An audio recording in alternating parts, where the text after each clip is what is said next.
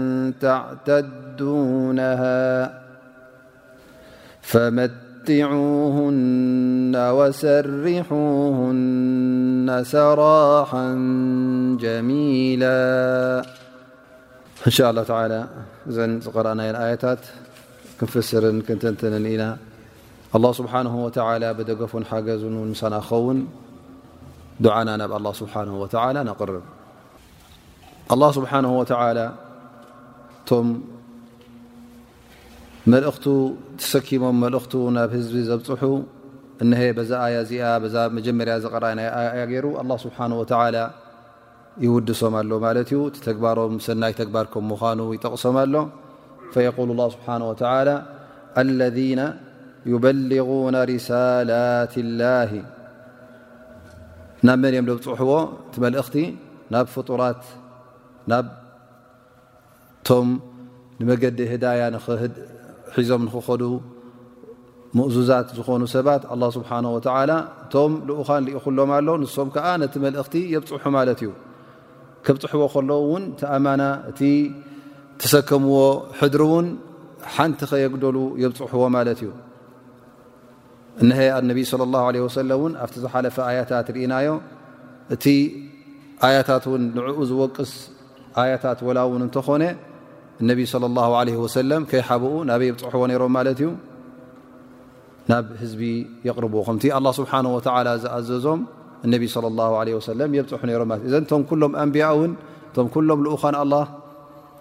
እቲ መልእኽቲ ገለ ከይነከዩ ገለ ከየጉደሉ እውን የብፅሑ ነይሮም እዞም ሰባት እዚኦም እውን ኣላ ስብሓን ወተዓላ እቲ ዝሰርሕዎ ስራሕ እቲ ዝገብርዎ ዝነበሩ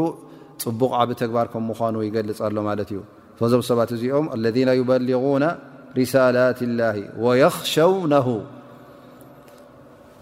እቲ መልእኽቲ ኣላ ከብፅሑ ከለዉ እውን ፈጺሞም ካብ ሰብ ኣይፈርሁን እዮም ንመን ደኣ ይፈርሁ ማለት እዩ ንኣላህ ስብሓነሁ ወተዓላ የኻፉነሁ ወላ የኻፉነ ኣሓደ ሲዋህ ጥራይ ንዕኡ እዮም ዝፈርሁ ደኣ እምበር ንኻልእ ፈፂሞም ኣይፈርሁን እዮም ስለዚ ዝኾነ ይኹን ሓይሊ ናይ ካልእ ይሃሉ ደኣ እምበር ንሱ ቅጭጫ የብሎምን እዩ ምኽንያቱ ኣላህ ስብሓን ወተዓላ ኣዚዝዎም እቲ መልእኽቲ ከብፅሑዎ ንሶም እውን የብፅሑ ማለት እዩ ወላ ውን ሕልፈቶም ይሃልዎ ደኣ እምበር እዞም ሰባት እዚኦም እዞም ልኡኻን እዚኦም ንኣላ ስብሓ ወላ ብዝያዳ ስለ ዝፈርሁ እሞ ኣላ ስብሓ ወላ መልእኽቲ ኣብፅሑ ስለ ዝበሎም ከይፈርሁ ካብ ሰብ ካብ ዝኾነ ይኹን ከይፈርሁ እውን ነታ ኣላ ስብሓ ወላ ዝኣዘዞም ትእዛዝ የብፅሖዋ ማለት እዩ ወከፋ ብላ ሓሲባ ኣይ ወከፋ ብላ ናስራ ወሙዒና ማለት ደገፍ ናይ ኣላ ስብሓን ወተላ እሱ ጥራይ ይኣኽሎም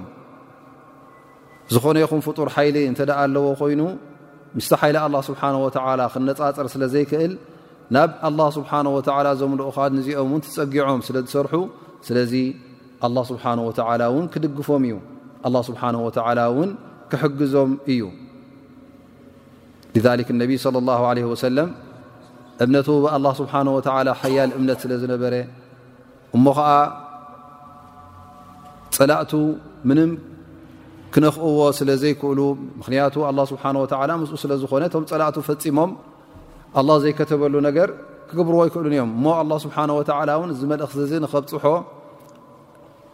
ኣዚዝዎ እዩ እሞ ትእዛዝ ኣላ ስብሓን ወተላ ይፍፅም ስለ ዘሎ ፈፂሙ ከይፈረሀ ናብ ኣላ ስብሓን ወተላ ተፀጊዑ የብፅሕ ነይሩ ማለት እዩ ስለዚ እነቢ ለ ላ ለ ወሰለም እቶም ዝለዓለ ደረጃ ነዚ ሞገስን ነዚ ውደሳን ዝረኽቡ ክኾኑ ኣለዎም ኣኑ እነቢ ለ ላ ለ ወሰለም እቲ መልእኽቶም ካብቶም ዝሓለፉ መልእኽታት እውን ዝዓበየ እዩ ነይሩ ምክንያቱ እነቢ ለ ላ ለ ሰለም ነቢና ሙሓመድ ናብ ፍሉይ ህዝቢ ወይ ከኣ ናብ ፍሉይ ዓዲ ኣይተላእኩን እንታይ ደኣ ናብ ምሉእ ዓለም እዮም ተላኢኾም ቁል ያ ኣዩሃ ናሱ እኒ ረሱሉ ላሂ ኢለይኩም ጀሚዓ ሓደ ከይተረፈ ኩሉኻትኩም ኣነ ናባኹም ልኡኽ የበሎም ኢኸኢሎ ኣላ ስብሓን ወተዓላ ኣዚዝዎም ማለት እዩ ፈኢዘ ነቢ ስለ ላሁ ለ ሰለም እቲ መልእኽቶም ጥራይ ናብ ህዝቢ መካ ኣይኮነ ጥራይ ንህዝቢ መዲና ኣይኮነ ወላ ውን ህዝቢ ዓረብ ጥራይ ኣይኮነን ካብ መካ ጀሚሮሞ ግን እቲ ዳዕዋ ናቶም እናስፋሕፈሐ እናስፋሕፈሐ ከምዝኸይድ ገይሮሞ ማለት እዩ ንምብራቕን ሰሜንን ንደቡብን ናብ ኩሉ ሸነኻት እውን ከም ዝባዛሕን ከም ዝበፅሕን ገይሮሞ እነቢይ ለ ላ ለ ወሰለም ማለት እዩ ስለዚ እቲ ተሰከምዎ ኣማና ወይ ከኣ እተሰከምዎ ሕድሪ ዓብ ሕድሪ እዩ ነይሩ ነዚ ሕድሪ እዚ እውን ነቢ صለ ላه ለ ወሰለም ከምቲ ተኣዘዝዎ የብፅሕዎ ነይሮም ኩሎም ቶም ኣንብያ እውን ኣላ ስብሓን ወተዓላ ምሩፃት እዩ ገይርዎም ነቲ መልእኽቲ ከም ዝስከሙ ገይርዎም ንሶም እውን ነቲ ሕድሪ እውን ኣብፂሖም ማለት እዩ ፈሊክ ላ ስብሓን ወተዓላ ንዕኦም ብፅቡቕ ስም ይጠቕሶም ኣሎ ማለት እዩ ኣለذና ዩበሊغና ሪሳላት ላ ወየኽሸውነሁ ወላ የኽሸውነ ኣሓደ ኢላ ላህ ወከፋ ብላሂ ሓሲባ ስለዚ እቲ ናይ ኣላ ስብሓን ወተላ ዳዕዋ ተብፅሕ እንተ ኣለኻ ኮንካ እቲ ኣላ ስብሓን ወተላ ዝኣዘዘካ መልእኽቲ እንተ ከምቲ ኣላ ስብሓን ወተላ ዝኣዘዞ ጌርካ ተብፅሕ እተ ኣለኻ ኮንካ ፈፂምካ ሰጋእ መጋ ኢልካ ፍርሃት ክህልወካ የብሉን ምኽንያቱ ትእዛዝ ናይ ኣላ ስብሓን ወተላ ኢኻ ትፍፅም ዘለኻ ኣላ ስብሓን ወተላ እውን ምሳኻ ክኸውን እዩ ናብኡ ጥራይ ተፀጋዕ እስኻ እምነትካ ናብኡ ጥራይ እውን ይኹን ፈህወ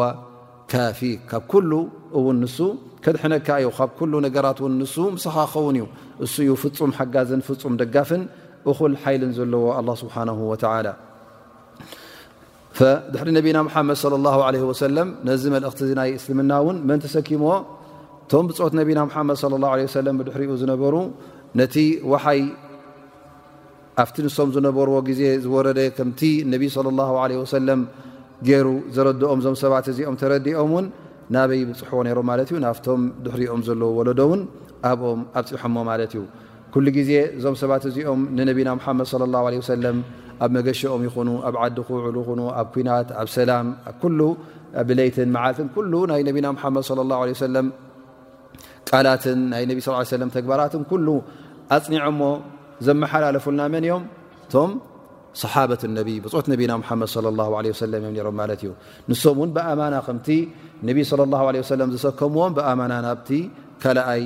ወለዶ ኣብፅሖሞ ማለት እዩ ከምኡ እናበለ ድማ ዝእስልምና ካብ ወለዶ ናብ ወለዶ እናቶም ዕለማ ይኹኑ ቶም ተራውን በታ ዝፈልጣ በታ ዝተማሃራ በታ ዝዓለማ በሊغ ዓኒ ወለው ኣያ ስለ ዝኾነ ከምቲ ነቢ صለ ላه ለ ሰለም ዝበልዎ ወላ ሓንቲ ኣያ ትኹን ንገሩለይ ስለ ዝበሉ ነቢ صለ ላ ለ ወሰለም ከምዚ እናበለ እቲ ናይ እስልምና ዕልምን ናይ እስልምና ፍልጠትን እቲ ዳዕዋ እውን እናተባዝሐ ናብ ኩሉ እናተነዝሐ ከይዱ ማለት እዩ ላ ስብሓን ወተላ ካብኦም ንክገብረና ድዓ እናገበርና እዚ ዓብይ ኣላ ስብሓ ወላ ብዓብዪ ጥቕሲ ጠቒስዎም ዘሎ እዚ ተግባር እዚ ቀሊል ነገር ኣይኮነን ማለት እዩ ወመን ኣሕሰኑ ቀውላ ምመን ደዓ ኢላ ላ ዓሚላ ሳልሐ እዘ እቲ ዳዕዋ ኢለ ላ ክበሃል ከሎ በላቕ ምብፃሕ ነቲ ኣላ ስብሓ ወላ ዝኣዘዞ ናብ ሰብ ንኸተብፅሕ እዚ ዓብ ሞያ እዩ ምክንያቱ እቶም ኣንብያ እቶም ልኡኻን እቶም ኣላ ስብሓን ወላ ዝመረፆም ሰባት ከምኡ ውን ላቶም መላካ ምሩፃን ኣ ስብሓ መሪፁ ነዚ መልእኽቲ እ ንከብፅሑ ይልእከም ነይሩ ማለት እዩ ስብሓ መን መሪፅዎም እዞም ሰባት እዚኦም ክመርፆም ከሎ ስለምንታይ መሪፅዎም እኹል ክእለትን እል ፍልጠትን ስለ ዘለዎም ነዚ መልእኽቲ እ ውን ክስከሙ ይኽእሉ ኢሉ ስብሓ ንክኽእልዎ ን ሓይሊ ሂብዎም ማለት እዩ ስለዚ እቲ ደረጃኦም ን ቶም ኣንብያ ቶም ሩሱል እቲ ዝለዓለ ደረጃ ገይርዎ ማለት እዩ ኣብ ጀና ኣላ ስብሓን ወተዓላ ስለዚ ንስኻ ነቲ ናቶም ሞያ ተሰኪምካ ወይ ከዓ ነቲ ናቶም ሞያ ንዕኡ ተኸትልካ ክትቅፅል እተ ኮንካ ክትከይድ እተ ኮንካ መገዲ ናቶም ኢኻ ትስዕብ ዘለኻ ማለት እዩ መገዲኦም ትኽተል ኣለኻ ስለዚ ኣብ ምንታይ ኣለኻ ማለት እዩ ኣብ ሰናይ ዝኾነ መንገዲ ኣብቲ ኣላ ስብሓን ወተዓላ ዝፈትዎ መገዲ ማለት እዩ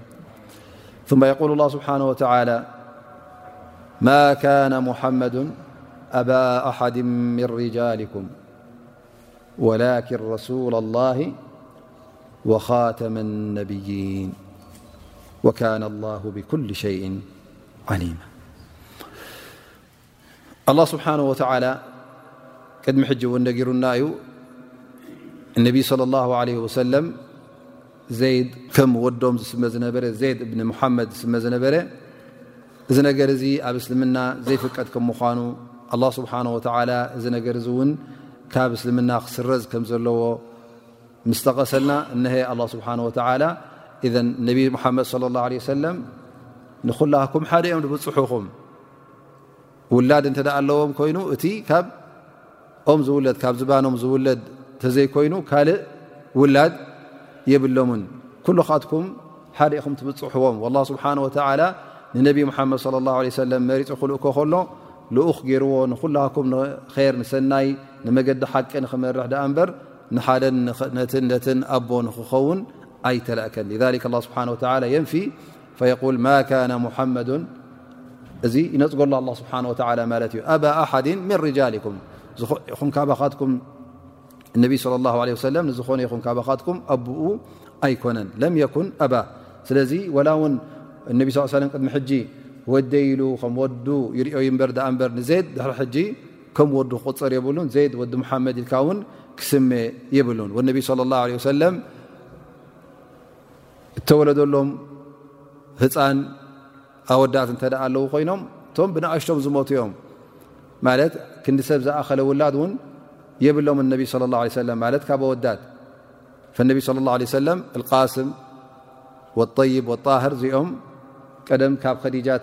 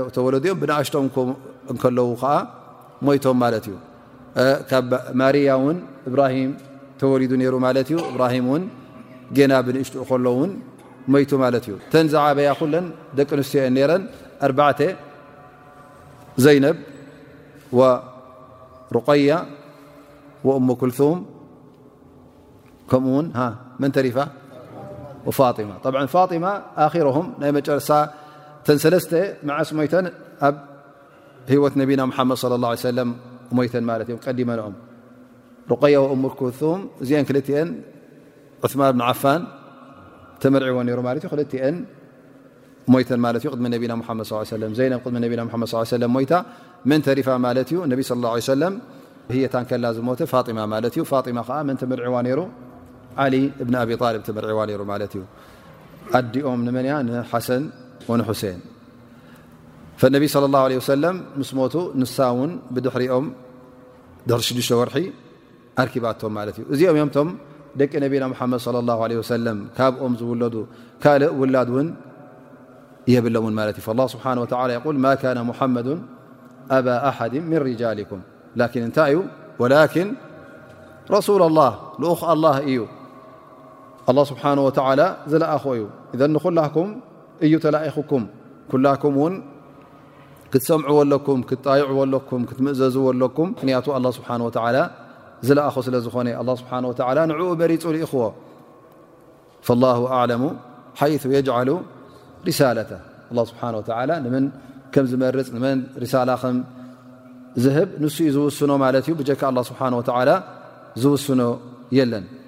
ላኪን እዛ ኣያ እዚኣ ውን እንታይ ተረጋግፀልና ማለት እዩ ነቢ صለ ላه ለ ሰለም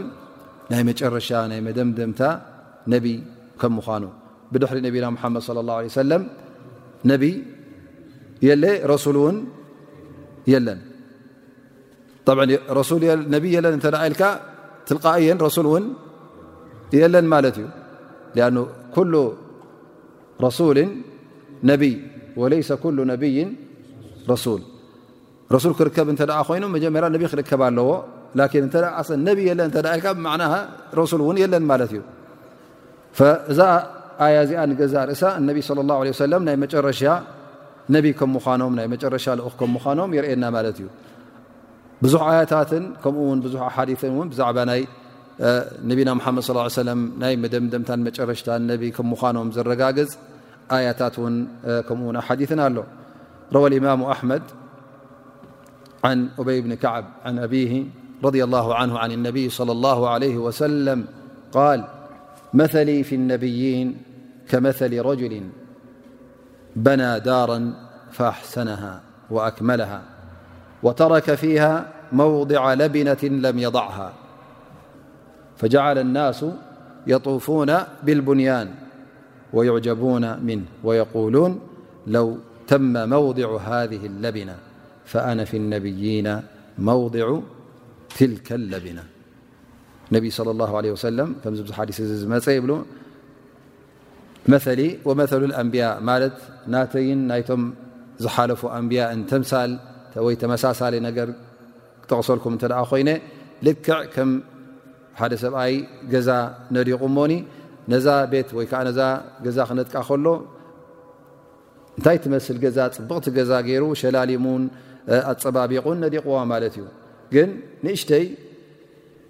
ፈትሓ ወይ ከዓ ንእሽተይ መእተዊ ናይ ጡብ ትኸውን ወይ ከዓ ናይ ጭቃ ትኸውን ከፋት ገዲፉላ ማለት እዩ ፈቲ ሰብ ይግረም ይመፅእ ማለት ትሕላ እዛ ገዛ እዚኣስ ብኩሉ እንትናኣ ምልእቲ ሓንቲ ዘይጎደላ ብጀካዛ ንእሽተይ ፈትሓ ዘላ እታ እዛ ተኸፊታ ዘላ መእተዊት ናይ ለቢና ማለት ከምዛ ጡብ ንእሽተይ ጡብ ወይ ከዓ ንእሽተይ ጭቃ መሕተሚት ማለት እዩ ከፋት ገዲፍዋ ማለት እዩ ፈነቢ ስለ ላሁ ለ ወሰለም ይብል ኣነ እየ ነዛ ለቢና ወይ ከዓ ነዛ ከፋት እዚኣ ዝሓትም ዝዓጹ ኢዘን እዛ ኸፋት እዚኣ እዛ ገዛ እዚኣ ብኩላ ምስ ረኣዮ ኩላ መልእዝቲ ዘይጉድልቲ ብጀካ እዛ ኸፋት እዚኣ ስታ ኮይና ክብ ዝፀንሑ እንተ ሳተ ሓቲማ እንታይ ኮይና ማለት እዩ እዛ ገዛ እዚኣ በቃ መሊኣ ማለት እዩ ሓንቲ ዘድልያ ነገር የብላ ኣነ ስለዚ ኣብቲ ናይ መልእኽቲ ኣላ ስብሓን ወተላ ኣነ መደምደምታን መጨረሻን መመላእታ እየ ብድሕረይ ካልእ ዝመፅእ የለን ማለትም ነብይ ለ ለ ወሰለም كذلك روى الإمام أحمد عن أنس بن مالك -رضي الله عنه-قال قال رسول الله صلى الله عليه وسلم إن الرسالة والنبوة قد انقطعت فلا رسول بعدي ولا نبي قال فشق ذلك على الناس فقال ولكن المبشرات قالوا يا رسول الله وما المبشرات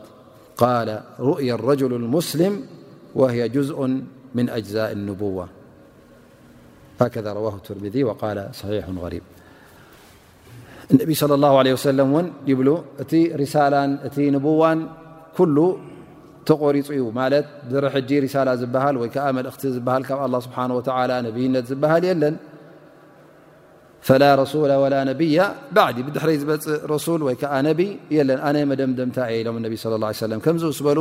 እቶም ብፆት ነቢና ሓመድ ለ ላ ለ ሰለም እቲ ካብ ሰማይ ዝወር ዝነበረ እቲ ወሓይ ናይ ኣላ ስብሓን ወተላ ዓብዪ ህያብ ስለ ዝኾነ ዓብዪ ሽሻይ ዓብ ራሕማ ናይ ኣላ ስብሓን ወተላ ኮይኑ ይርእዎ ስለ ዝነበሩ እዚ ነገር እዚ ንዕኦም እንታይ ኮይንዎም ማለት እዩ ብጣዕሚ ኣሸጊርዎ ብጣዕሚ ከቢድዎም ፈነቢ ስለ ላ ለ ሰለም ክሐጉስዎም ኢሎም ወላኪን ሙበሽራት ኣሎ ሙበሽራት ዝበሃል ብስራት ሒዙ ዝመፅእ ኢሎም ነቢ ስ ሰለም ቃሉ ያ ረሱላ ላ ወመን ሙበሽራት ትተሪፉ ዘሎ ብድሕሬና እንታይ እዩ እቲ ሙበሽራት እዩ እቲ ብስራት ሒዙ ዝመፅእ እሞ እንታይ እዩ ትብስራት ኢሎም ሓቲቶም ማለት እዩ ፈቃል ነቢ ስ ሰለም ሩእያ ረጅል ኣልሙስሊም ወ ጅዝء ምን ኣጅዛእ ንቡዋ ሩእያ ዝርኦ ሓደ እስላማይ በዓል ር ማለት እዩ ንሱ እንተ ርእዎ ብስራት ክኾኖ ማለት እዩ ር ገለ መት ብዛዕባ ኣብ ሩእያ ዝረኣዮ ኸይራት ሰናያት እውን ይርኢ ማለት እዩ እዚ ቃል ጅዝء ምን ኣጅዛእ ንቡዋ ጭላፍ ካብቲ ጭላፍ ናይ ንቡዋ ኣ እዚ ብስራት እዩ ዝህበካ ዘሎ ማለት እዩ ር ክኸውን ከሎ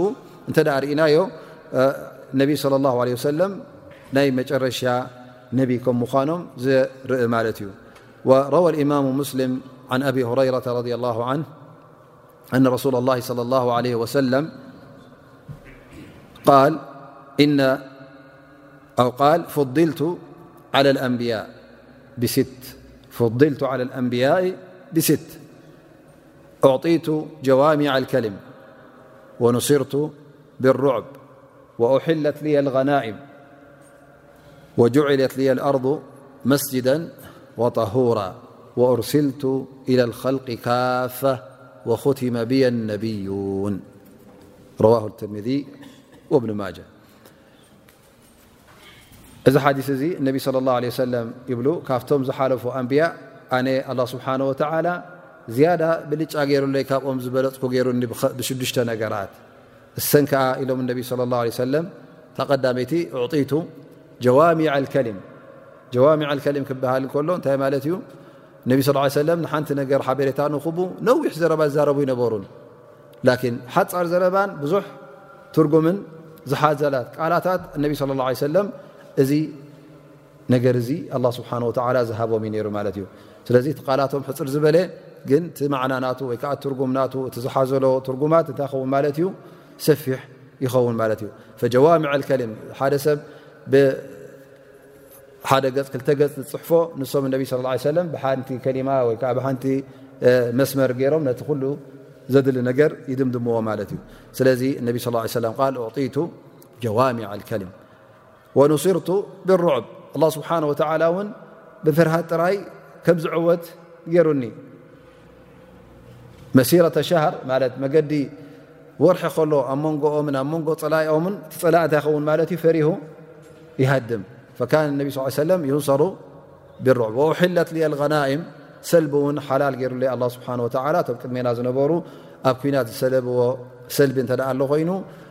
እዚ ነገር እዚ ንዕኦም ንክወስድዎ ንክጥቀምሉ ፍቀድ ኣይነበረን እንታይ ደኣ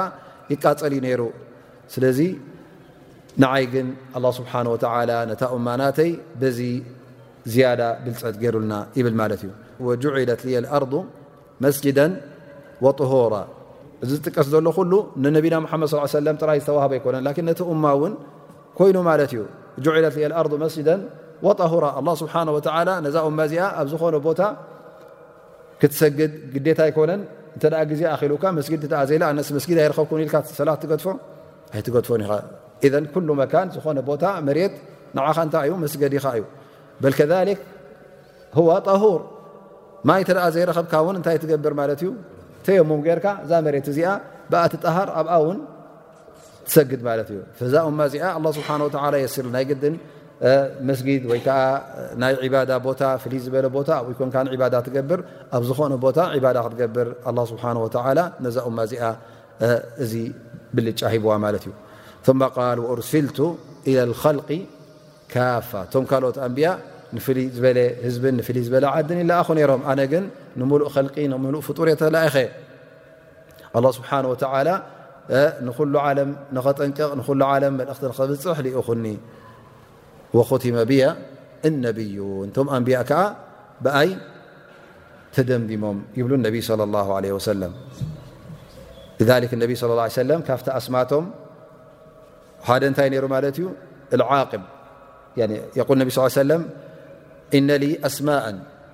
ያኒ ብዙሕ ኣስማት እዩ ዘለኒ ኣና ይብሉ ኣና ሙሓመድ ወኣና ኣሕመድ እዚ ካብ ኣስማቶም ማለት እዩ ኣና ልማሒ ኣለذ የምሑ ላሁ ብሂ ልኩፍር ሓደ ካብቲ ኣስማቶም ማለት እዩ ኣልማሒ ዝብል ስሞም ዩ ናይ ነቢና ሙሓመድ ለ ላه ሰለም ስለምንታይ ተሰብየ ይብሉ ምኽንያቱ ኣላ ስብሓን ወተላ ነቲ ክሕደት ብኣገይሩ ምእንቲ ክድምስሶ ከጥፍኦ ማለት እዩ ወኣነ ልሓሽር ኣለዚ ይሕሸሩ ናሱ ዓላ ቀደሚ ዮም ልቅያማ ሓሽር እ ሰብ ኩሉ ናባይ መፅኡ ኣብ ዮም ልቅያማ ናብ ነቢና ሙሓመድ ስ ሰለ ን መፅኦም እንታይ ጠልቡ ማለት እዩ ሸፋዓ ጠልቡ ማለት እዩ ኣነ ዓቂቡ ለዚ ለይሰ ባዕዲ ነብይ ኣነ ዓቂብ ዓቂብ ማለት ናይ መጨረሻ ናይ መደምደምታ ማለት እዩ ብድሕረይ እውን ነብይ የለን ኢሎም ነቢ ለ ለ ወሰለም ነዚ ነገር እዚ ኣረጋጊፆሞ ማለት እዩ ስለዚ ኣብቲ ክታብ ቁርን ይኹን ኣብቲ ሱና ነቢ ሙሓመድ ለ ላ ለ ወሰለም ነቢና ሙሓመድ ለ ላ ለ ሰለም ናይ መደምደምታ ነቢ ነቦ ከም ዝኾኑ ይረጋገፀልና ማለት እዩ ስለዚ ብድሕሪ ነቢና ሓመድ ስ ሰለም ዝኾነ ይኹን ሰብ ኣነ ልኡኽ እየ ኣነ ነብየ እንተ ኢሉ ክእመን ከም ዘይብሉ ጠብ ከምዚ ኢሎም ከለዉ ነቢ ስለ ላ ሰለም ኣብቲ ቁርን ወሪዱ ከሎ እዚ ናይ ነብይነት ፈተና ግን እግበር ነይሩ ማለት እዩ ገና ነቢ ስለ ላ ሰለም ብህየቶም ከለዉ ኣብ የመን ሓደ እንታይ ኢሉ ማለት እዩ ኣነ ኣስወድ ኣልዕንሲ ዝበሃል ኣነ ነቢ የብል ነይሩ ማለት እዩ ብድሕሪኡ እውን ሙሰይለመት ኣልከዛብ ነይሩ ሱጃሕ ዝብልዋ ነራ ደቂ ኣንስትዮ ይኹና ደቂ ተባዕትዮ ነዚ ነገር እዚ ፈተነታት ዝገብሩ ነሮም ላኪን ኣብ መጨረሻ ኣላ ስብሓን ወተዓላ ከሽፎም ማለት እዩ ግን ክንደይ ሰብ እውን ደድሕሪኦም ዝሰዓቡ ኣለዉ ክንደይ ሰባት እውን ዝጠፍኡ ኣለዉ ማለት እዩ እዚ ፈተነ እውን ክሳዕ እዚ ቀረባ ግዜ እውን ሰሚዕኻ ፀፀኒሕካ ፀፀኒሕካ ሓደ ዚ ከምዚ ዓዲ ኣነ ንብየ ዝበለ ክብል ክብሉ ትረኽቦም ማለት እዩ ስለዚ እቲ ሸይጣን ክሳዕ ሕጂ ቃልሱ የካይድ እዩ ዘሎ ማለት እዩ ከማ ቃል ላ ስብሓን ወተላ ሃል ኡነቢእኩም ዓላ መን ተነዘሉ ሸያጢን ተነዘሉ ዓላ ኩል ኣፋኪን ኣፊም እዞም ሓሰውቲ እዚኦም ይቐፀልቲ ከም ምዃኖም ማዳም ሸይጣን ኣሎ እዚ ሸይጣን እዚ ክደፋፍኦም ማለት እዩ ጉዳይ ናቶም ሲ ዝጭረስ ኣይኮነን ክሳዕ ኣክረ ዘመን መሲሕ ደጃል እውን ክመፅእ እንከሎ ሓደ ካብቲ ዝብሎ ዘረባ እንታይ እዩ ኣነ ነቢ ኢሉ እውን ገና ኣነ ጎይታኹም ከይበለ ከሎ ኣነ ብምንታይ ጅምር ማለት እዩ ኣነ እውን ነቢ የብል ማለት እዩ ብድሕሪኡ ናበይ ይበፅሕ ማለት እዩ ክሳዕ ኣነ ጎይታኹም እየ ዝብል ይኸውን ማለት እዩ እዚ ጉዳይ እዚ ናይ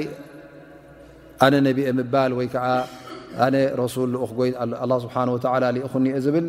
ሰባት ክስማዕ እዩ ማለት እዩ ስለዚ ኣላ ስብሓን ወተዓላ ነዚ ነገር እዚ ኣብ ቁርን ይኹን ኣብ ሱና ነቢ ብድሕሪ ነቢና ሙሓመድ ለ ላ ለ ሰለም ፈፂሙ ነቢ ከምዘየለ ልኡኽ ከምዘየለ ኣረጋጊፁልና ማለት እዩ ስለዚ ዝኾነ ይኹን እንተ መፅኡካ ከምዚ ዝኣመሰለ ዘረባ እንተ ሰሚዕካ ፈፂምካ ክትቅበሎ የብልካን ማለት እዩ ኣንብያ ኹቲሙ ብነብይና ሓመድ ص ه ሰለ ቶም ኣንብያ ኩሎም ብነብና ሓመድ ص ه ለ ሰለም እዮም ተደምዲሙ ንሶም ውን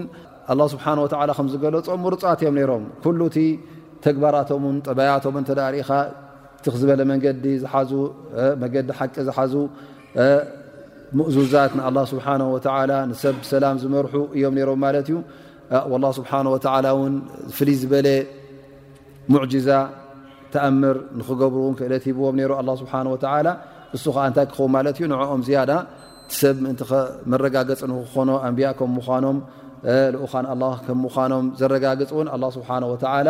ሓደ ሓደ ምልክታትን ኣያታትን ተኣምራትን ኣብ ኢዶም ይረአ ነይሩ ማለት እዩ ላኪን እቲ ብስሕሪ ኮይኑ ወይ ከዓ ብካልእ ተግባራት ኮይኑ ዝገብርዎ ሰባት እንተኣ ኣሎ ኮይኑ እንተ ርኢኻዮም እቶም ንሕና ኣንብያ ኢና ወይ ከዓ ልኡኻ ኢና ዝብሉ እንተ ርኢኻዮም ተግባራቶም ተግባር ናይ ሰሓራ ናይ ሓሰውቲ ናብ ር ዘይመርሑ ንክፍኣትን ንጥፍኣትን ዝመርሑ ኮይኖም ትረኽቦም ማለት እዩ ስለዚ እቲ ምልክት እውን ኣሎ በቲ ምልክት ጌርካ ውን ክትመምዮምን ክትፈልጦምን ትኽእል ኢኻ ማለት እዩ ስለዚ ኣላ ስብሓን ወተላ ብዛ ኣየታት እዚ ገይሩ የጠንቅቐና ኣሎ ማለት እዩ ሰብ ምእንቲ ከየታልለካ ሸይጣን ከየታልለካ ምናልባሽ ገለ ሰባት ክእለት ናይ ዘረባ ይህልዎ ብኸውን ክእለት ናይ ሰብ ምስሓብ ይህልዎ ብኸውን እሞ ኣብ መጨረሻ ንሕና ልኡኻን ኣላ ኢና ወይ ከዓ ካብ ኣላ ውሓይ ወርደና እዩ ንሕና ዕልምና ተኺልና ብቐጥታ ካብ መን ኢና ንወስድ ብልኻ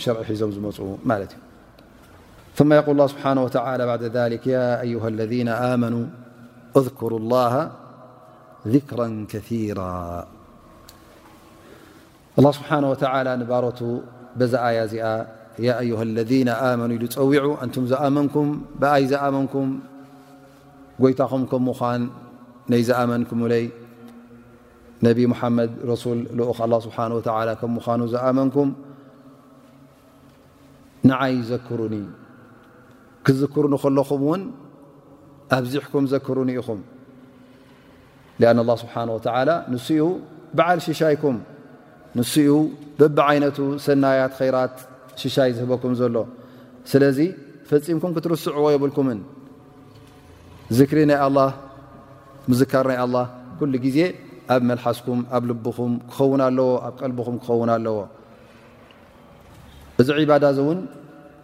ቀሊል ዒባዳ ይኹን ደኣ እምበር ላኪን ኩላህና ብቐሊል እውን ክንረኽቦ ኣይንኽእልን ኢና ወነቢይ ስለ ላሁ ለ ወሰለም እውን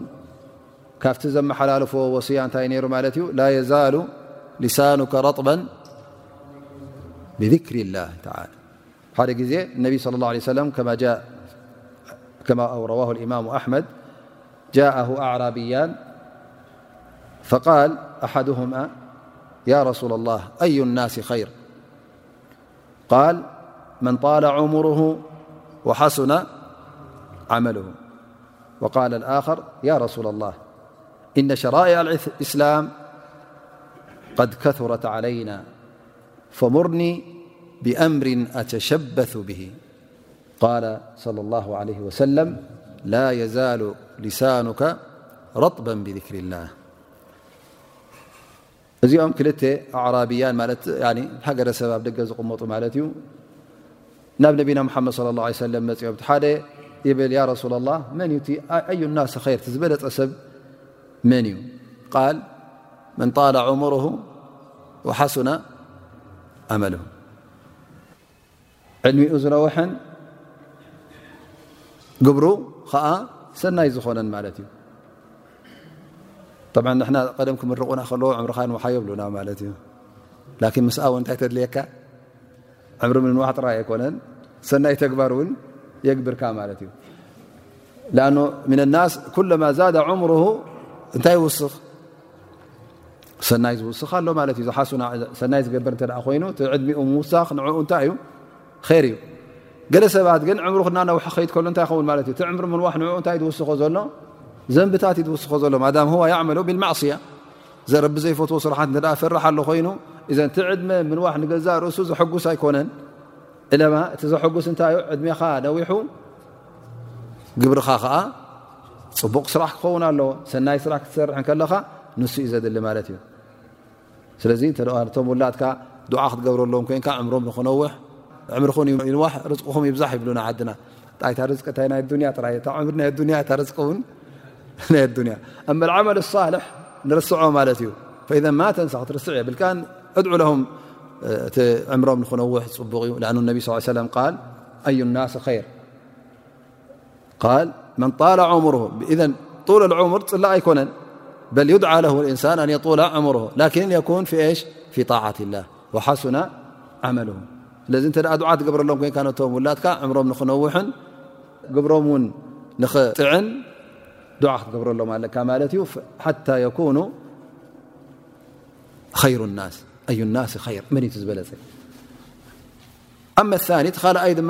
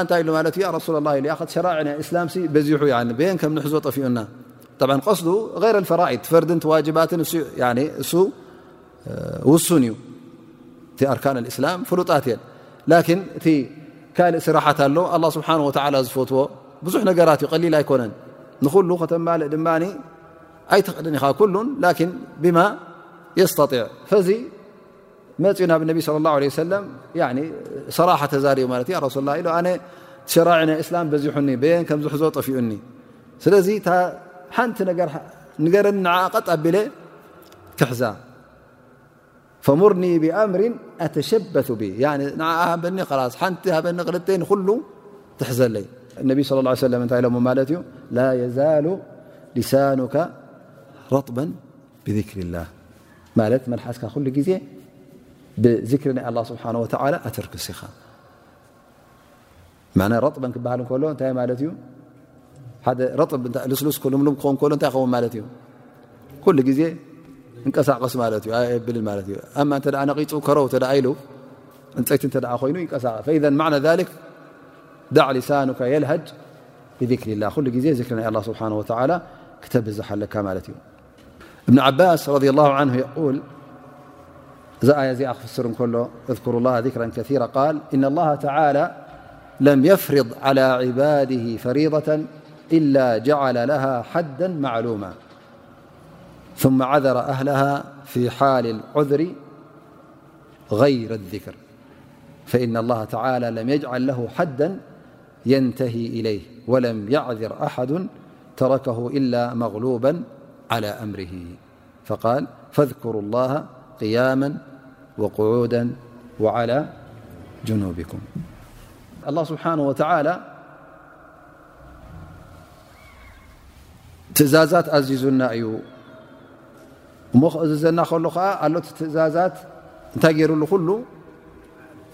ሓድ ገይርሉ ማለት እዩ ወይ ብቁፅሪ ወይ ብመዓልቲ ወይ ብገለ ፍሉይ ተፈልዩ ማለት እዩ ኣብቲ እዋኑ ተ ገርካዮ ክኢልካ ፅቡቅ ተዘይከኣልካ ብዘይምክኣል ብምክት ተ ሸሪዊ ምክ ኣለካ ገዲፍካዮ ውን ትገድፎ ማለት እዩ ላን ኢለ ዚክር ኣመ ዚክር ኣላ ስብሓን ወተላ እዚ እንታይ ኮይኑ ማለት እዩ ፍኑ ገይሩልና ማለት እዩ ኣብ ዝኾነ ቦታ ዝኾነ ሰዓት ኣብ ዝኾነ እዋን ኣብ ዓራትካ ከለኻ ኣብ ሹቕካ ኣብ ምንቅስቃሳትካ ከለኻ ኣብ ኩሉ ንክትገብሮ ኣላ ስብሓን ወተላ ኣዚዙካ ማለት እዩ ስለዚ ነዚ ኣይክእሎን እየ ዝብል ሰብ ክህሉ የብሉን ማለት እዩ ኢላ ኢዛ ካን እዚ ሰብ እዚ እማ ሃለዋቱ ዝጠፍኦ ክኸውን እተ ኮይኑ ወይ ከዓ ደቂሱ ዘሎ ወይ ከዓ ኣብ ሃለዋት ዘየለ ወይከዓ ሞይቱ እተ ኮይኑ ማለት እዩ ኣማ እንሳን ሓይ እተ ኣሎ ኮይኑ ፈየዝኩር ላ ለይል ነሃር ለይቲ ን ብመዓልቲ ይኹን ኣብ ባሕሪ ይኹን ኣብ መሬት ይኹን ብመልሓሱ ይኹን ብልቡ ይኹን ዓብሉ ይኹን ቀሲሉ ይኹን ነዚ ነገር እዚ ክገብሮ ይኽእል እዩ ማለት እዩ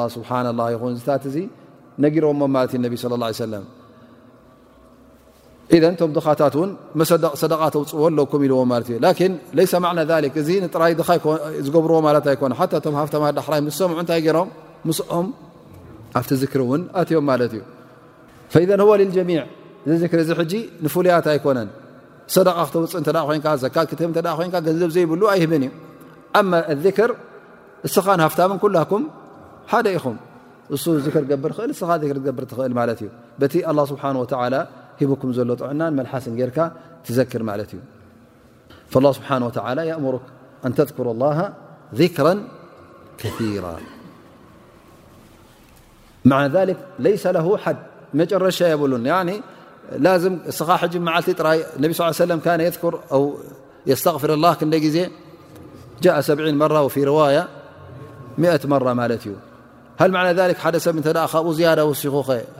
እንታይ ይበሃል እዚ ሃ ክልኩል እዩ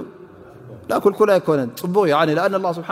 ፍኑ ዩ ገዲፍልካ ዘሎ ማለት እዩ ተወሲኽካ ተብዚሕካ ኣብ ዚክር ን ኣብ ዘይ ኣብ ውሱን ሰዓት ኣብ ውሱን ቦታ ውሱን ዝክሪ ክትገብር እተ ኮንካ እዚ እንታይ የድልየካ ደሊል የድልየካ ማለት እዩ ነዚ ዝክር እዚ ወሲንካ ኣብ ሰዓትን ኣብ መዓልታትን ኣብ ቁፅርን እዚ ጠብዓ ንስኻ ሓድሽ ነገር ተእትወሉ ኣለኻ ማለት እዩ ኣመ ር ር ሙጥለቕ እንተ ኮይኑ እስትቕፋር ኣብ ዝኾነ ሰዓት ኣብ ዝኾነ እዋን ክትገብር ትኽእል ኢኻ ተስቢሕ ኣብ ዝኾነ እዋን ተህሊል ኣብ ዝኾነ እዋን ተክቢር ኣብ ዝኾነ እዋን ትገብር ማለት እዩ ውሱን ሰዓታት ኣሎ ተኣዘዝካዮ ኣብኡ ተገበርካ እዚ ፅቡቕ ዝበለፀ ኸውን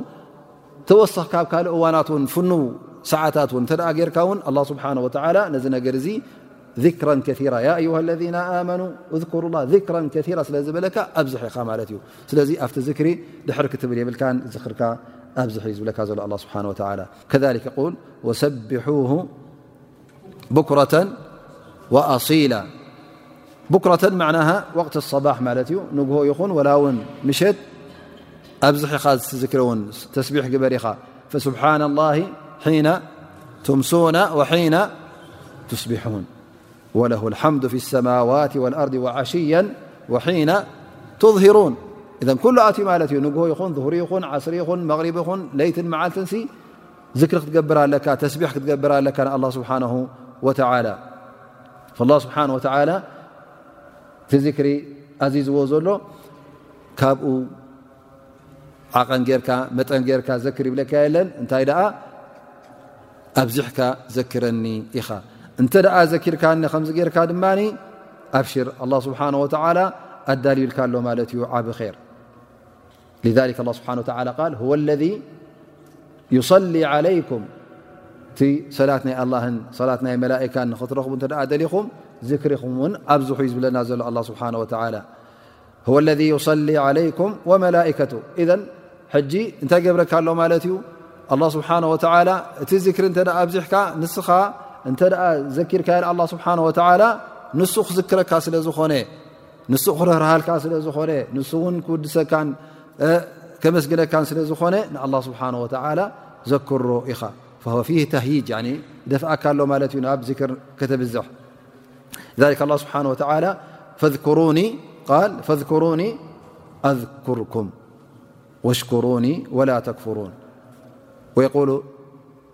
نبصلىه ي وسلم في الحديث القدسي فيما رواه عن ربه انب صىاه عيه سلمالله سبحانهوتالى لمبيقول الله تعالى من ذكرنفيلذكرته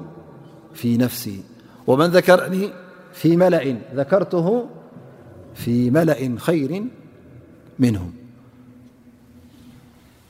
ንዓይ ኣብ ነብሱ ዝዘከረኒ ንበይኑ ኮይኑ ዝዘከረኒ ኣነ ከዓ ናብ ምንታይ ይዝክሮ ኢሎም ኢሉና ኣላ ስብሓን ወተላ ኣነ እውን ይዝክሮ እየ ሃሊ ስኻ ትበልፅ ወይስ ኣላ እዘን ኣላ ስብሓን ወተላ ይበልፅ ኣብ ነብሱ ዝዘክረካ ኣሎ ማለት ከምቲ ስኻ ንበይንኻ ዝዘከርከ ኣላ ስብሓን ወተላ ውን ንበይኑ ዝዘክረካ ማለት እዩ እንተ ኣብ ሓፋሽ ኮንካ ዘኪርካዮ ከ ሰብ ሰሚዑካ ውን ኣላ ስብሓን ወተላ ካብኦም ዝበልፁ ፍጡራት ኣብ ቅድሚኦ ውን ንዓኻ ይዝክረካ ማለት እዩ ፈዘ ኩላ ኣምር እቲ ንዓኻ ትፍደዮ ዘለኻ ማለት እዩ ዝክሪ ክትገብር ከለካ እቲ ትፍደዮ ዝበለፅ ከም ምኳኑ ትርኢ ዘለኻ ማለት እዩ መን ዘከረኒ ፊ ነፍሲ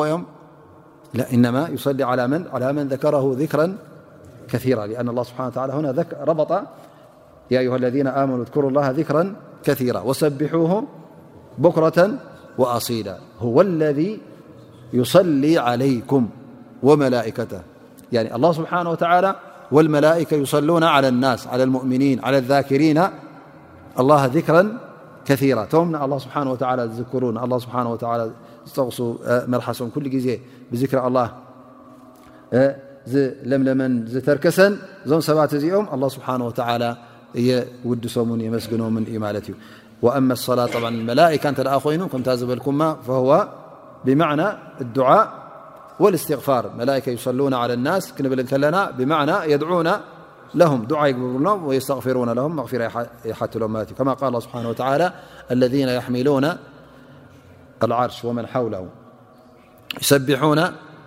بحمد ربهم ويؤمنون به ويستغفرون لمذي للذين آمنوا ربنا وسعت كل شيء رحمة وعلما فاغفر للذين تابوا واتبعوا سبيلك وقهم عذابا الجحيم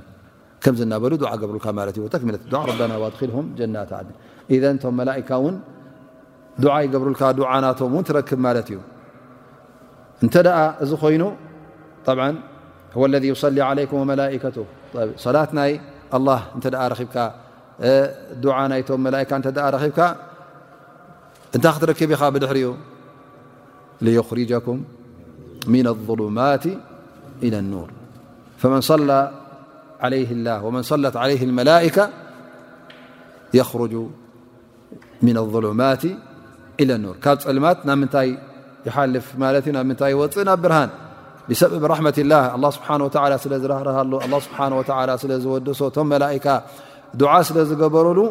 እዚ ሰብ እዚ ካብቲ ፀልማት ይወፅእ ማለት እዩ እቲ ፀልማት ክንብሎ ከልና ከዓ ፀልማት ናይ ምንታይ እዩ ናይ ድንቁርና ፀልማት ይኹን ናይ ጥፍኣት ናይ ላል ኩሉ ኣብ ኣዱንያ ይኹን ኣብ ኣራ ካብቲ ጥፍኣት ናብ ምንታይ ይመሓላለፍ ናብቲ ብርሃን ይሓልፍ ማለት እዩ የንተቂሉ ምን ኣላል ኢ ልሁዳ ወየንተቂሉ ምን ልጃህሊ ኢ ልዕልም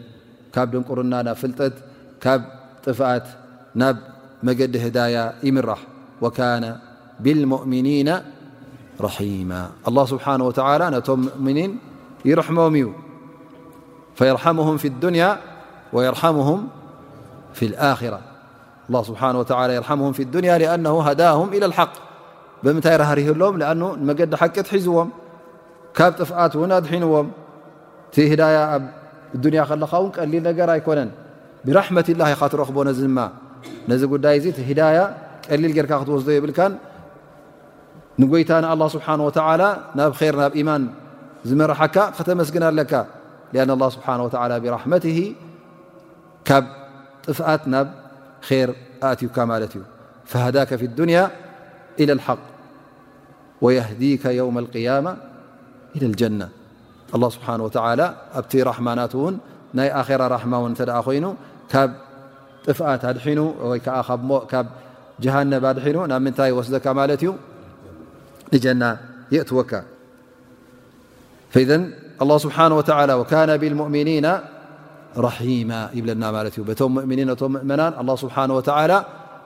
ይርህርሃሎም እዩ ነቶም ሙእሚኒን እውን ኣብ እዱንያ ካብቲ ላል ካብቲ ቢድዓ ይኹን ካብ ዝኾነ ይኹን ረቢ ዘይፈትዎ ነገር ካብኡ የናግፎም ካብኡ እውን የድሕኖም ኩሉ ግዜ ከዓ ናብ ሰናይ ናብ ር እውን ከም ዝውዕሉ ይገብሮም ኣብ ኣዱንያ ነዚ እንተ ረኪቦም ኣብ ኣኼራ ድማ በቲ ጀና እውን ኣበሲርዎም ኣሎ በቲ ጀና እውን ክዕወቱ እዮም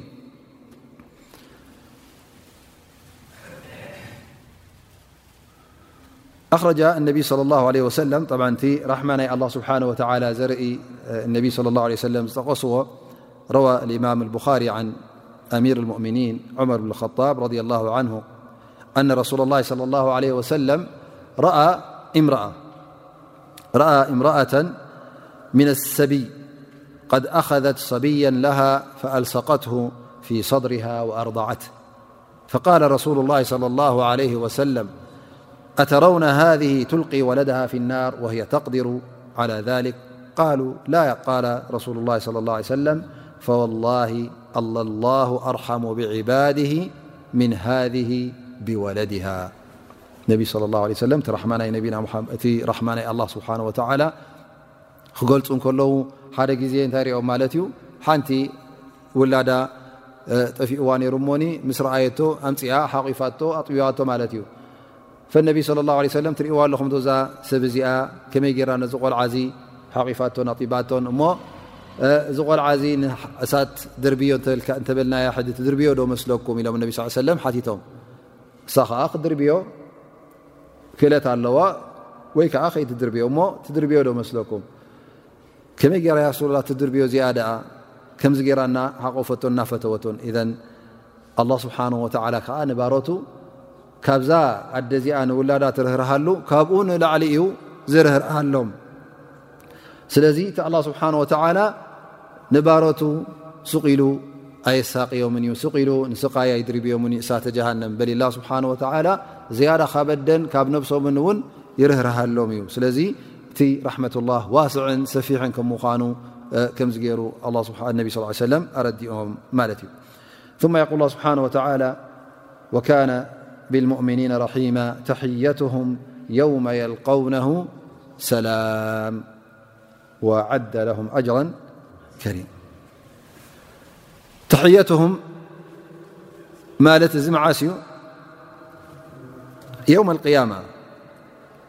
لكن منيتحيا هب منيسلام بل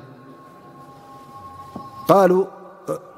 أن السلام يكون ممن من الله سبحانه وتعالى حيتهم أي من الله يوم يلقونه يوم القيامة سلام أن الله سبحانه وتعالى سلام لل كما جاء في سورة ياسين سلام قولا من رب رحيمهذا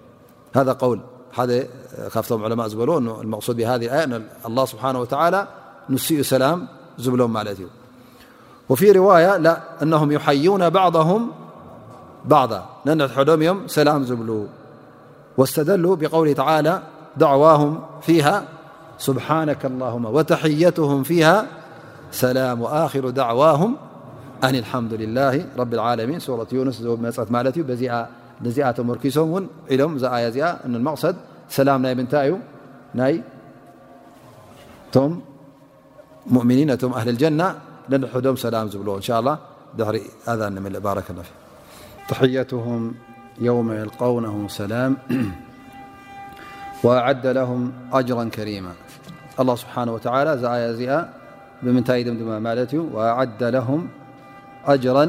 ከሪማ ነዞም ሰባት እዚኦም ኣላ ስብሓን ወተላ እቲ ክቡር ዝኾነ ዓስቢ ክቡር ዝኾነ ኣጅሪ ኣዳልዩሎም ኣሎ ወህወ ልጀና እቲ ዝዓበየ ድማ እቲ ጀና ማለት እዩ እዛ ጀና እዚኣ እቲ ሒዛቶ ዘላ ኩሉ ፍስሃን ሰናይን ዝብላዕ ይኹን ዝስተ ዝኽደን ይኹን ዝልበስ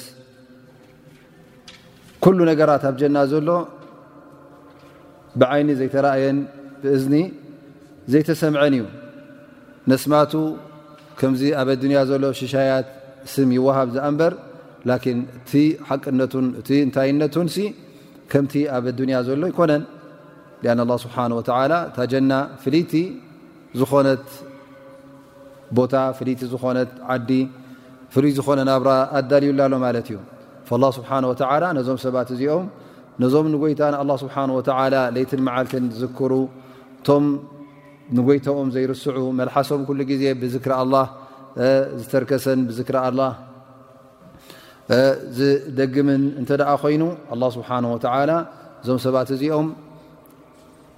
ክርሕሞም እዩ መላካ ዱዓ ክገብርሎም እዮም ኣ ስብሓ ብጣዕሚ ራህራህ ስለዝኾነ ብጣዕሚ ራሕማ ስለ ዘለዎ ኣ ስብሓ ወላ ነዞም ሰባት እዚኦም ውን ክርሕሞም እዩ ኣብ መጨረሻ ውን ቦትኦም እቲ ክቡር ዝኾነ ጀና ክገብሮ ከም ምኳኑ እነ ኣላ ስብሓ ወላ ኣብዚ ኣያ እዚኣ የረጋግፀልና ኣሎ ማለት እዩ ዓዳ ለ ክብለና ከሉ ከዓ እቲ ነገር ብሕጂ ተዳልሎም ከምዘሎ ገና እዞም ሰባት እዚኦም ኣብ ኣዱንያ ከለዉ ኣላህ ስብሓን ወተዓላ ብሕጂ ብእዋኑ ብገና ከሎ እቲ ናይ ጀና ኸይራት ሰናይን ኩሉ ኣዳልሎም ኣሎ ማለት እዩ ናይ ሎም መዓልቲ ደርሰና ኣብዚ እተቋረፅናዮ እተደምደምና ሓይሽ ምክንያቱ እተ ኣያታት ብድሕሪ ዝመፃ ዘለዋ ተተሓሓዛ ስለ ዝኾና ንዋሕቲ ኣያታት ን ስለ ዝኾና በዚ ንድምድሞ እንሻ ላ ተ ኣብዚ መ ዘሎ ሰሙን ካብ ኣያ መበል 4ሓ እንሻ ላ ተ ካብ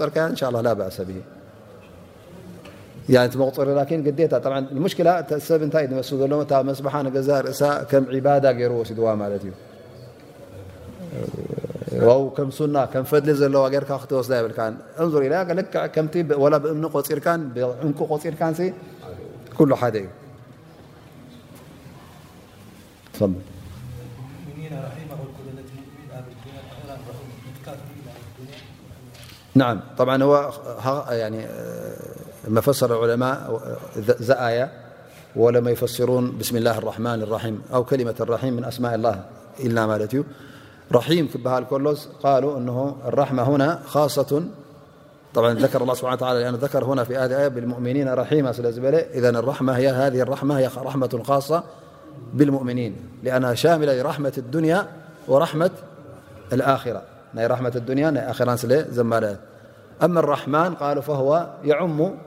جميع الخلق يعم الكافر والمؤمن والله سبحانه وتعالى يعيش الكافر في الدنيا برحمة من برحمة الله كما يعيش الحيوان كل من يعيش في هذه الدنيا برحمة الله فالكافر حتى يعيشو برحمة الله